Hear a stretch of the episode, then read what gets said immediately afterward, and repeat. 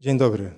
Wiecie, kiedy przemawiam do jakiegoś zboru, do którego przychodzę rzadko, to jest trochę inaczej, jak się mówi do osób, które, które znam. Lepiej lub gorzej, ale znam. I zawsze gdzieś jest lekka trema. To nie dlatego, że, że kamery są zwrócone wokół y, na mnie i kamery latają wokół mnie, prawda? Ale właśnie dlatego, że, że mówię do osób, które, które znam. Serdecznie witam też wszystkich naszych gości, których dzisiaj mamy wśród nas, internautów, którzy nas słuchają przez internet.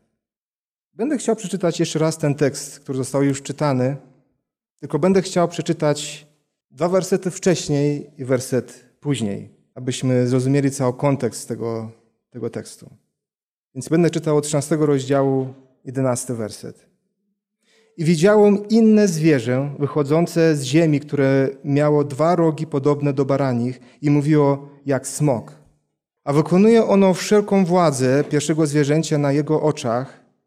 Ono to sprawia, że ziemia i jej mieszkańcy oddają pokłon pierwszemu zwierzęciu, którego śmiertelna rana była wygojona. I czyni wielkie cuda, tak, że jej ogień z nieba spuszcza na ziemię na oczach ludzi i zwodzi mieszkańców ziemi przez cuda, jakie dano mu czynić na oczach zwierzęcia, namawiając mieszkańców ziemi, by postawili posąg zwierzęciu, które ma ranę do, od miecza, a jednak zostało przy życiu. Ten tekst mówi o tym, że w czasach końca będzie szczególne zwiedzenie, że będzie antychryst, który będzie zwodził ludzi. Kiedy patrzę na tym, co się dzieje dzisiaj w internecie, w telewizji, to wiecie, jak dużo można zauważyć właśnie kłamstw? Niekiedy kłamstwa mniejsze lub większe, czy też niepełne prawdy, co też jest kłamstwem, możemy tak często spotkać. My często w zasadzie jesteśmy nieświadomi tego, jak bardzo jesteśmy czasami karmieni kłamstwem. I dlatego to się dzieje dzisiaj. Nie, nie dlatego, że jest internet, nie dlatego, że dzisiaj świat tak się rozwinął i poszedł do przodu. Nie. Dlatego, że działanie szatana dzisiaj, w czasach końca, potęguje się. I właśnie największe zwiedzenie, które szatan przygotował dla nas, dla tych, którzy szukają Boga i szczerze chcą być przy Bogu, jest mianowicie to, że On chce zwieść nas, kim jest Zbawiciel i kim jest Jezus Chrystus. Nam to się może wydawać dziwne, ale taka jest prawda. Szatan chce zwieść nas, mówiąc, kim rzeczywiście jest ten prawdziwy Bóg. Wiecie, my często mówimy, nie, to ja wiem. Ja wiem, gdzie jest prawda. I znam prawdę. Dlatego też, też ewangelista Jan, który napisał Księgę Objawienia, wcześniej w Ewangelii Jana mamy tekst z 8 rozdziału 32 wersetu, gdzie jest napisane, że jeżeli poznacie prawdę, to prawda was oswobodzi. Prawda da wam wolność. I tylko i wyłącznie w prawdzie możemy mieć wolność. A potem w 14 rozdziale, 6 wersecie ewangelista Jan mówi, w zasadzie Jezus mówi, że jestem drogą, prawdą i żywot. I nikt nie ma drogi do Ojca, jak tylko przeze mnie. Tak Jezus powiedział. Czyli Jezus mówi, że On jest prawdą. Ewangelista Jan podkreśla bardzo wyraźnie przez całe swoje, przez całą Ewangelię, że Jezus Chrystus jest prawdą. Dlatego, że właśnie w objawieniu, w Księdze Objawienia Jan pokazuje, że problem w czasach ostatecznych będzie z tym, żebyśmy poznali, kim rzeczywiście jest Jezus Chrystus. Bo Jezus Chrystus jest prawdą. Wiecie, my mamy, mamy naprawdę wiele, wiele właśnie prawd teologicznych, religijnych, prawd życiowych i innych. I każdy głosi, że ma prawdę. A tak w zasadzie prawda jest Chrystus. Jest tylko jedna prawda. Dlatego właśnie w tym tekście to, co najbardziej szatan, czym najbardziej będzie chciał nas, nas szatan zwieść, to dokładnie to, co zapisane jest w 13 wersecie. On będzie czynił wielkie cuda, Czyli takie cuda, jak czyni Jezus Chrystus i Bóg, także ogień z nieba spuszcza na ziemię na oczach ludzi. Czy pamiętacie jak, jakąś historię z Biblii, która przedstawia, że Bóg spuszcza ogień z nieba. Eliasz, prawda? Tylko tą historię mamy, kiedy Pan Bóg spuszcza ogień z nieba. A teraz wyobraźcie sobie, wyobraźcie sobie, że w tej historii, jak jest zapisane, prorokowie Baala też spuszczają ogień z nieba. Co wtedy się dzieje? Skąd ty będziesz pewny, że to jest Bóg Jahwe, który spuścił ogień z nieba? Bo ewangelista Jan zdecydowanie nas kieruje do tej historii i pokazuje nam, że walka w tym czasie ostatecznym będzie mianowicie taka sama, jak było w czasie proroka Eliasza. Kim jest Bóg? I często jest tak, że w Starym Testamencie, zresztą Nowym też, ale to już mniej, ale w Starym Testamencie jest tak, że, że osoba proroka, imię w zasadzie proroka, determinuje o poselstwie, które głosi. Na przykład patrzymy na Księgę Daniela i imię Daniel znaczy, że mój Bóg jest sędzią.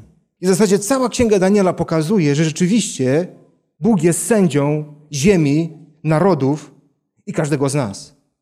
Nie tylko siódmy rozdział, jak my czytamy, ale każdy inny rozdział w Księdze Daniela właśnie to pokazuje, że Bóg jest sędzią. Jak imię Daniela, tak? Imię Daniel mówi, mój Bóg jest sędzią. Tak, tak jest tłumaczenie imię Daniela. A wiecie, jakie jest imię Eliasza? Po hebrajsku to brzmi Eliahu. Znaczy mówiąc, mój Bóg jest Jahwe. I co jest ciekawe, poselstwo Eliasza mówi o tym, że Bogiem jest tylko i wyłącznie Jahwe. I z tym w zasadzie Eliasz walczył. Dlatego otwórzmy nasze Biblię na pierwszą Księgę Królewską i będę czytał od pierwszego wersetu 17 rozdziału. Kiedy czytamy w zasadzie y, całą, całą historię Eliasza, to naj, zdecydowanie najczęściej, kiedy jest wymienione imię Boga, czyli Jahwe, to zawsze jest w kontekście, jaki to jest Bóg. Mój Bóg, Eliasza Bóg, czy Bóg Izraela? I zobaczcie, tak właśnie zaczyna się 17 rozdział. Wtedy Eliasz Tiszbita w Tiszbie w Gileadzie rzekł do Achaba, zamy Achaba króla izraelskiego. Jako żyje Pan Bóg Izraela, przed którego obliczem stoję, że nie będę, nie będzie w tych latach rosy ani deszczu, tylko na moje słowo. Nam to się wydaje, że Eliasz tu ma władzę nad wszystkim, ma władzę nad niebem. Nie pokazano tu jest w zasadzie, że Eliasz się modlił. Kiedy Pan Bóg w zasadzie powiedział Eliaszowi już dalej w 18 rozdziale, że po, po trzech i pół roku spuszczy ogień, e, spuszczy e, znowu deszcz z nieba, to wtedy widzimy, że rzeczywiście Eliasz szczególnie się modlił. A tu nie widzimy. I co jest ciekawe, kiedy przeczytamy jeszcze ostatni werset 17 rozdziału, zobaczcie, bo to jest historia o wdowy Sarepcie, Sarepty i ta wdowa na samym końcu, zobaczcie co mówi, 24 werset 17 rozdziału. Wtedy rzekła kobieta do Eliasza, teraz poznałem, że jesteś mężem Bożym i słowo Pana naprawdę jest w ustach Twoich. Zobaczcie, co jest istotne, co charakteryzuje Eliasza, a mianowicie to, że słowo Boga jest w jego ustach. Czyli to, co mówi, to jest bezpośrednio słowo Pana Boga. A pytanie jest, jak to możliwe? Jak to możliwe, że ten człowiek mówi słowa Boga? Co on takiego miał szczególnego, że miał słowo Boga? Dlaczego Pan Bóg obdarzył go takim wielkim szacunkiem? Prosta rzecz. Jak otworzymy liście Jakuba, piąty rozdział i siedemnasty werset, jest napisane tak. Eliasz był człowiekiem podobnym do nas i modlił się usilnie, żeby nie było deszczu i nie było deszczu na ziemi przez trzy lata i sześć miesięcy. Ciekawe, prawda? Czyli Jakub mówi, że Eliasz modlił się, chociaż w historii Eliasza akurat o tym nie mam w ogóle mowy. Ale on nie tyle, nie tyle, że się modlił, on usilnie się modlił, aby ten deszcz nastał. Jak przeczytamy jeszcze werset wcześniej, zobaczcie, wyznawajcie wtedy grzechy jedni drugim i módlcie się jedni za drugich, abyście byli uzdrowieni wiele może usilna modlitwa sprawiedliwego. I właśnie jako ten sprawiedliwy Jakub przedstawia Eliasza, że usilna modlitwa zdziała cuda. Dlaczego moja modlitwa takie cuda dzisiaj nie czyni? Na to pytanie trudno jest odpowiedzieć, ale powiem wam, że im bliżej jesteśmy Boga, tym właśnie bardziej Pan Bóg nasz, nas słyszy i odwrotnie. Im bliżej jesteś Boga, to będziesz słuchał Jego głosu i Jego słowa. I będziesz miał słowa Jezusa, słowa Boga w Twoich ustach. Jeżeli jesteś naprawdę człowiekiem, który szuka Boga, jesteś blisko Boga. Bo On jest źródłem mocy, źródłem cudów, tak jak właśnie dokładnie, jak jest napisane w Księdze Objawienia, że szatan, kiedy będzie chciał zwieść wybranych, to będzie czynił cuda, niesamowite cuda. Dlaczego? Bo dlatego, że tym Jezus się charakteryzował. Jak był Jezus na ziemi, to On czynił cały czas cuda. A Jezus tak samo przez ciebie chce uczynić cuda. Tylko czy, czy ty naprawdę jesteś taki bliski Bogu? W zasadzie w całej tej historii już nie będę, e, bo nie mamy czasu, żebyśmy przeszli przez te wszystkie historie, ale chcę wam zwrócić uwagę, jak zwraca się do Eliasza ta kobieta, a jakie Eliasz mówi do siebie. Zobaczcie, ta wdowa Starepty w 12 wersecie mówi tak. Lecz ona odpowiedziała, jako żyje Pan Bóg Twój, że nie mam nic upieczonego, a tylko garść mąki w dzbanie i odrobinę oliwy w bańce, oto właśnie zbieram trochę trwa, a potem pójdę i, i przyrządzę to dla siebie i dla mojego syna, a gdy to zjemy, to chyba umrzemy. I właśnie ona się zwraca do Eliasza jako imię jego dokładnie o tym mówiło, że Jahwe jest jego Bogiem. Więc tak ona mówi, że Pan, czyli Jahwe, jest twój Bóg. A kiedy w 20 wersecie, zobaczcie, Eliasz mówi tak. Następnie zawołał do Pana tak. Panie Boże mój, czy także na tę wdowę, u której, jesteś, u której jestem gościem, chcesz sprowadzić nieszczęście i pozbawiając życie jej syna? Potem wyciągnął się, yy, wyciągnął się trzy razy nad dzieckiem i zawołał do Pana tak. Panie Boże mój, przywróć proszę życie temu dziecku. Zobaczcie, dwa razy tutaj Eliasz mówi, Jachwę moim Bogiem. Czyli dokładnie według jego imienia. Dokładnie według jego imienia. I to jest bardzo ważne, ponieważ naród izraelski odchodzi od Boga, odeszł od Boga w tym czasie właśnie i mieli innych bogów. Za Boga mieli Baala. A Eliasz cały czas myślał, że tylko ten Jachwę jest jego Bogiem. A w zasadzie się pomylił, jak potem się dowiemy. W zasadzie, kiedy Pan Bóg przyszedł do Eliasza i powiedział mu, że już po trzech i pół roku spuszczy deszcz z nieba, to wtedy Eliasz przyszedł to powiedzieć Achabowi, czyli królowi izraelskiemu. Ale zobaczcie, chcę na, na, na, na sam początku zwrócić uwagę na, a, a, mianowicie na to, że, że Bóg, kiedy wyznacza jakiś czas, to zawsze wyznacza ten czas według swoich schematów i według tego, jak On to przedstawia. I nie ma wątpliwości, żeby nie było też wątpliwości, że ten czas, który tu jest przedstawiony, czyli 3,5 roku, to jest czas, który Pan Bóg określił. Wiesz dlaczego? Dlatego, że Pan Bóg raczej nie przedstawia nawet innych liczb niż na przykład jako 7, 20, 40 i tak dalej. A 3,5 roku to jest ile? pół siódemki. To jest dokładnie pół siódemki.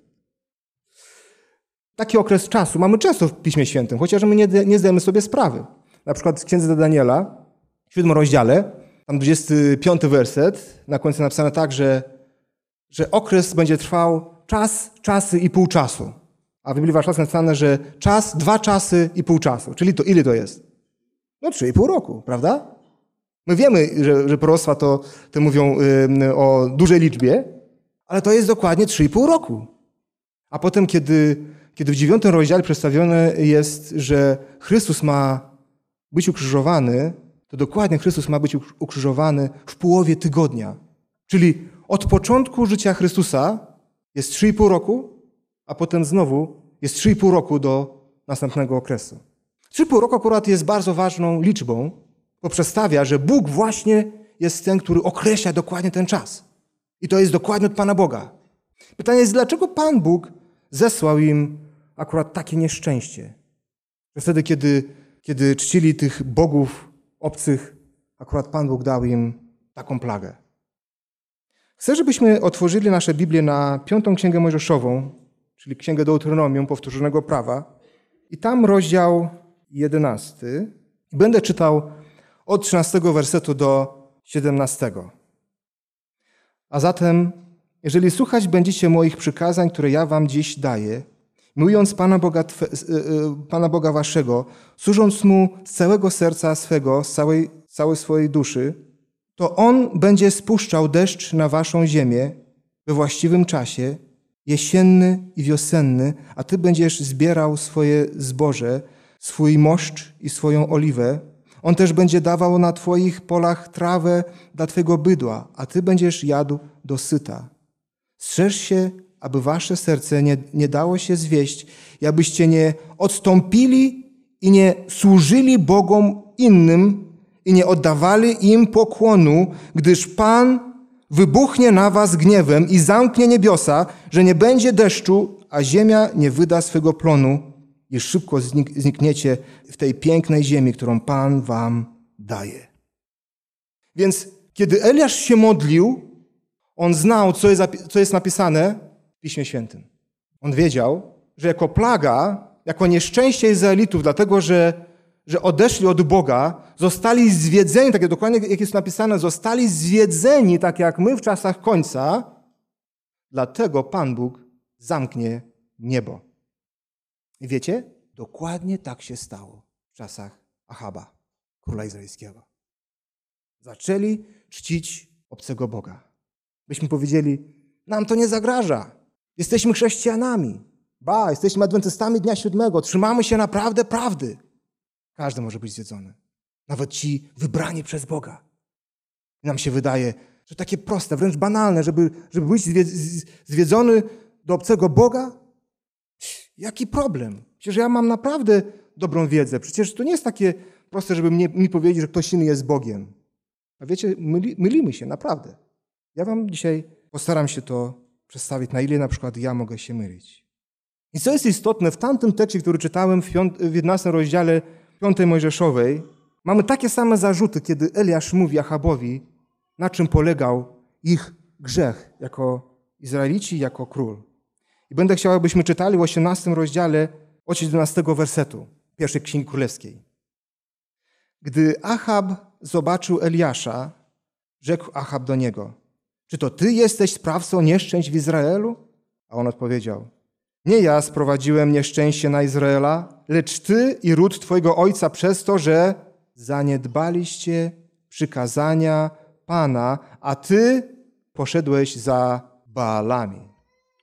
Więc główny grzech, który dokonał Achab, mianowicie był taki, że odszedł od czczenia Boga Jahwe, inaczej mówiąc, zlekceważył przykazania Boże.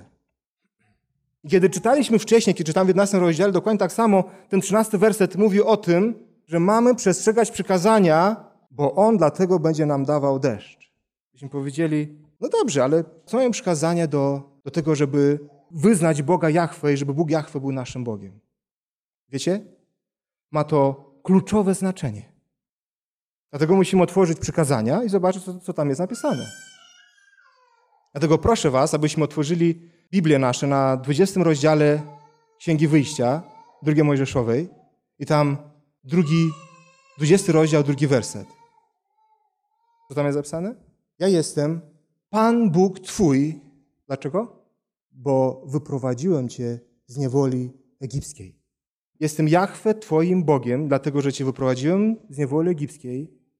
I w rozumieniu tego tekstu powinniśmy iść dalej, w rozumieniu takim, Dlatego nie będziesz miał innych bogów obok mnie. Czyli, jeżeli Jahwe jest Twoim Bogiem osobistym, to oznacza, że On Cię wyprowadził z niewoli egipskiej. A jeżeli On jest już Twoim Bogiem osobistym, to oznacza, że nie możesz mieć innych bogów obok mnie. A jeżeli Jahwe jest Twoim Bogiem, to oznacza, że nie będziesz czynił obrazu i nie będziesz im się kłaniał, tak jak oni to robili, czyli jak drugie przykazanie mówi. A jeżeli Bóg, Jahwe, jest Twoim Bogiem, to też oznacza, że nie będziesz brał nadaremno imienia Pana Boga Twojego, jak to robili wtedy Izraelici. A jeżeli Jahwe jest Twoim osobistym Bogiem, to oznacza, że Jahwe ma tylko jednego dnia, tylko jeden dzień, który jest święty, mianowicie sabat. I będziesz go czcił i święcił. Jeżeli Bóg tylko jest Twoim Panem Bogiem. Tylko tak trzeba interpretować przykazania. jeżeli On jest Twoim Bogiem, to wszystkie inne przykazania będziesz spełniał. A jeżeli On nie jest Twoim Bogiem, niestety nie będziesz spełniał. I dokładnie odwrotnie. Niestety. Jest dokładnie odwrotnie. Nie wiem, że przykazania są nie do spełnienia, ale tylko wtedy, kiedy Bóg nie jest Twoim Bogiem. I dalej możemy powiedzieć tak. Jeżeli Jachwe jest Twoim Bogiem, to będziesz wtedy czcił swoich rodziców. Jeżeli Jachwe jest Twoim Bogiem, nie będziesz zabijał, nie będziesz założył, nie będziesz kłamał, nie będziesz pożądał. Tylko jeżeli Jachwe jest Twoim Bogiem. Wiecie, jaki jest problem nasz? Że Jachwe nie jest naszym osobistym Bogiem. Ja wiem, że zbawienie jest z łaski, że przykazania tu nie mają co do czego prawie, że, że jest lustrem, które, w którym widzimy się, jak jesteśmy brudni przed Bogiem. Ja rozumiem. Oczywiście, że tak. Że zbawienie mamy tylko i wyłącznie przez krew Chrystusa, który przelał na krzyżu za nas osobiście. Nie ma w innym imieniu zbawienia. I nie ma nigdzie indziej zbawienia, jak tylko w Chrystusie Jezusie. Ale Chrystus mówi, że On ma prawdę. On jest prawdą, a przykazania Jego są prawdą. A jeżeli Bóg jest niezmienny, a przykazania przedstawiają charakter Boga, to przykazania są tak samo niezmienne. Tak samo drugie przykazanie, które mówi, nie będziesz czynił obrazu. I czwarte przykazanie, które mówi, że jest tylko jeden dzień święty. Szabat Pana Boga Twojego. A z tym akurat przykazaniem najwięcej ludzi ma problem. Mówimy, o, to my jesteśmy adwentystami, my dobrze święcimy sobotę, prawda?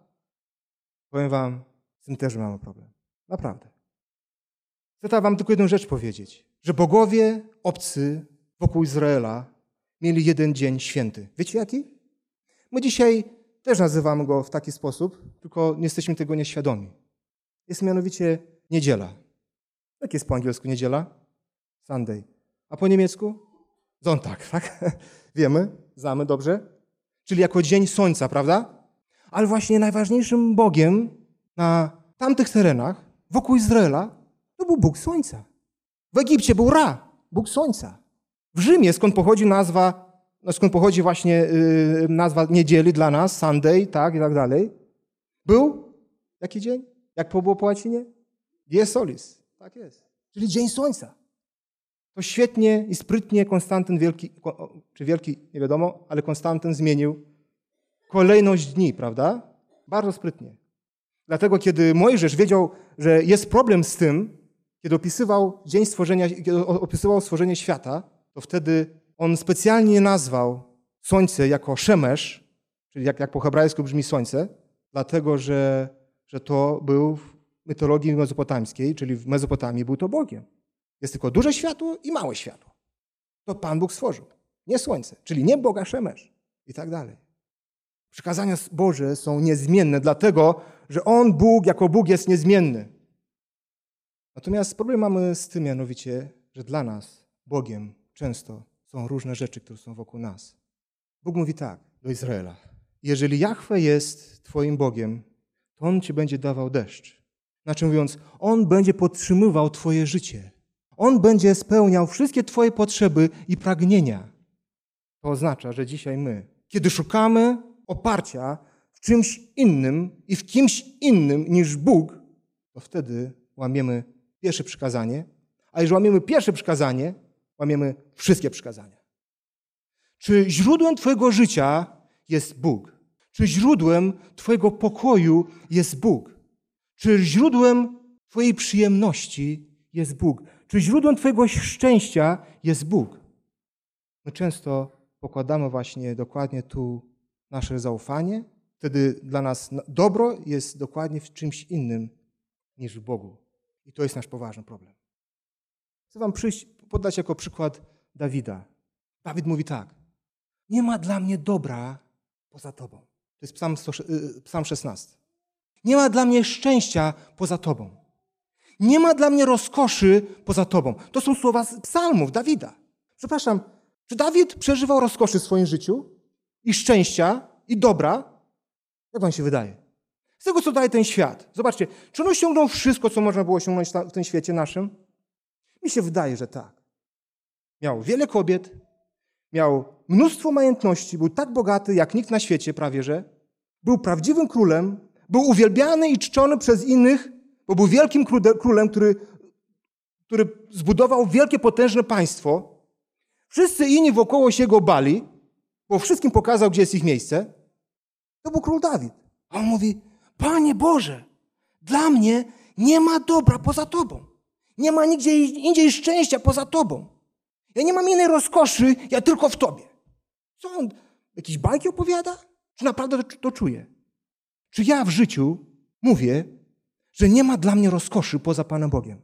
Bo wiecie, te rozkosze tu na świecie, jakiekolwiek myśmy je nazwali, jak Dawid mówi, one nawet, nawet nie są namiastką tego, co Pan Bóg może nam dać. Jaką rozkosz może dać nam Pan, czyli bycia z Panem. Jeżeli my mówimy o tych dobrach tu na świecie, to Pan Bóg mówi, że nie ma dobra. Te dobra tutaj nie mają nic do porównania z dobrem, które daje Bóg. Dlatego Jezus mówi: Ja jestem chlebem życia. Ja jestem wodą życia. Ja jestem prawdą i drogą. Ja jestem światłością świata. Ja tylko jestem zbawieniem. Tak Jezus mówi. Ja jestem usprawiedliwieniem. Ja jestem tylko wykupieniem z grzechu. Jezus mówi: Ja jestem. Inaczej mówiąc, Jezus mówi: Ja jestem Jahwe. Tak mówi Ewangelii Jana. I dokładnie Jan to nam, chce nam dzisiaj powiedzieć, że problemem naszym dzisiaj jest to, że mamy po prostu innych bogów, które nas usatysfakcjonują. To może być różne rzeczy w naszym życiu. Bogactwo, rodzina, sława, pozycja jak, jak, jakakolwiek. Być widziani, nie wiadomo kim jesteśmy. I z tym mamy poważny problem. Bardzo poważny problem. A Jezus mówi, że możesz zaspokoić wszystkie Twoje potrzeby tylko i wyłącznie w Jezusie. On jest źródłem wszystkiego, co jest dobre. On jest źródłem rozkoszy, źródłem szczęścia, radości. Czy Dawid nie, nie miał trudnego życia? Poza tym, że, że doświadczył wszystkie rozkoszy i przyjemności z tego świata, osiągnął wszystko, co dało się osiągnąć? Miał. Jak czytam czasami historię Dawida od samego początku, po prostu jemu szczerze współczuję. I Panie Boże, ratuj mnie i broń mnie przypadkiem, abym nie przeżył tego, co przeżył Dawid. Bo to jest coś strasznego. Ale Dawid był tym, który widział, że tylko Bóg jest jego źródłem radości i szczęścia. Dlatego, że tylko On zawsze go ratował. Nigdzie indziej ratunku nie doznał. Nigdzie indziej nie doznał tego, że ktoś go przytulił i powiedział, że Cię kocham. On przeżył, naprawdę przeżył Boga. Czy ja dzisiaj przeżywam tak Boga? Jak Jezus będzie Twoim Bogiem, to wtedy to jest obietnica. Słuchajcie, to jest obietnica. Jest mówi, jak ja jestem Twoim Bogiem, to wtedy nie będziesz miał innych bogów obok mnie. To wtedy nie będziesz czynił obrazu. To wtedy nie będziesz brał imienia Pana Boga nadaremno. To wtedy będziesz przestrzegał sabat. Jak ja będę Twoim Bogiem, to jest obietnica. To wtedy nie będziesz zabijał, nie będziesz cudzołożył, nie będziesz kradł, nie będziesz pożądał. Czy Jezus jest Twoim osobistym Bogiem na każdym kroku Twojego życia?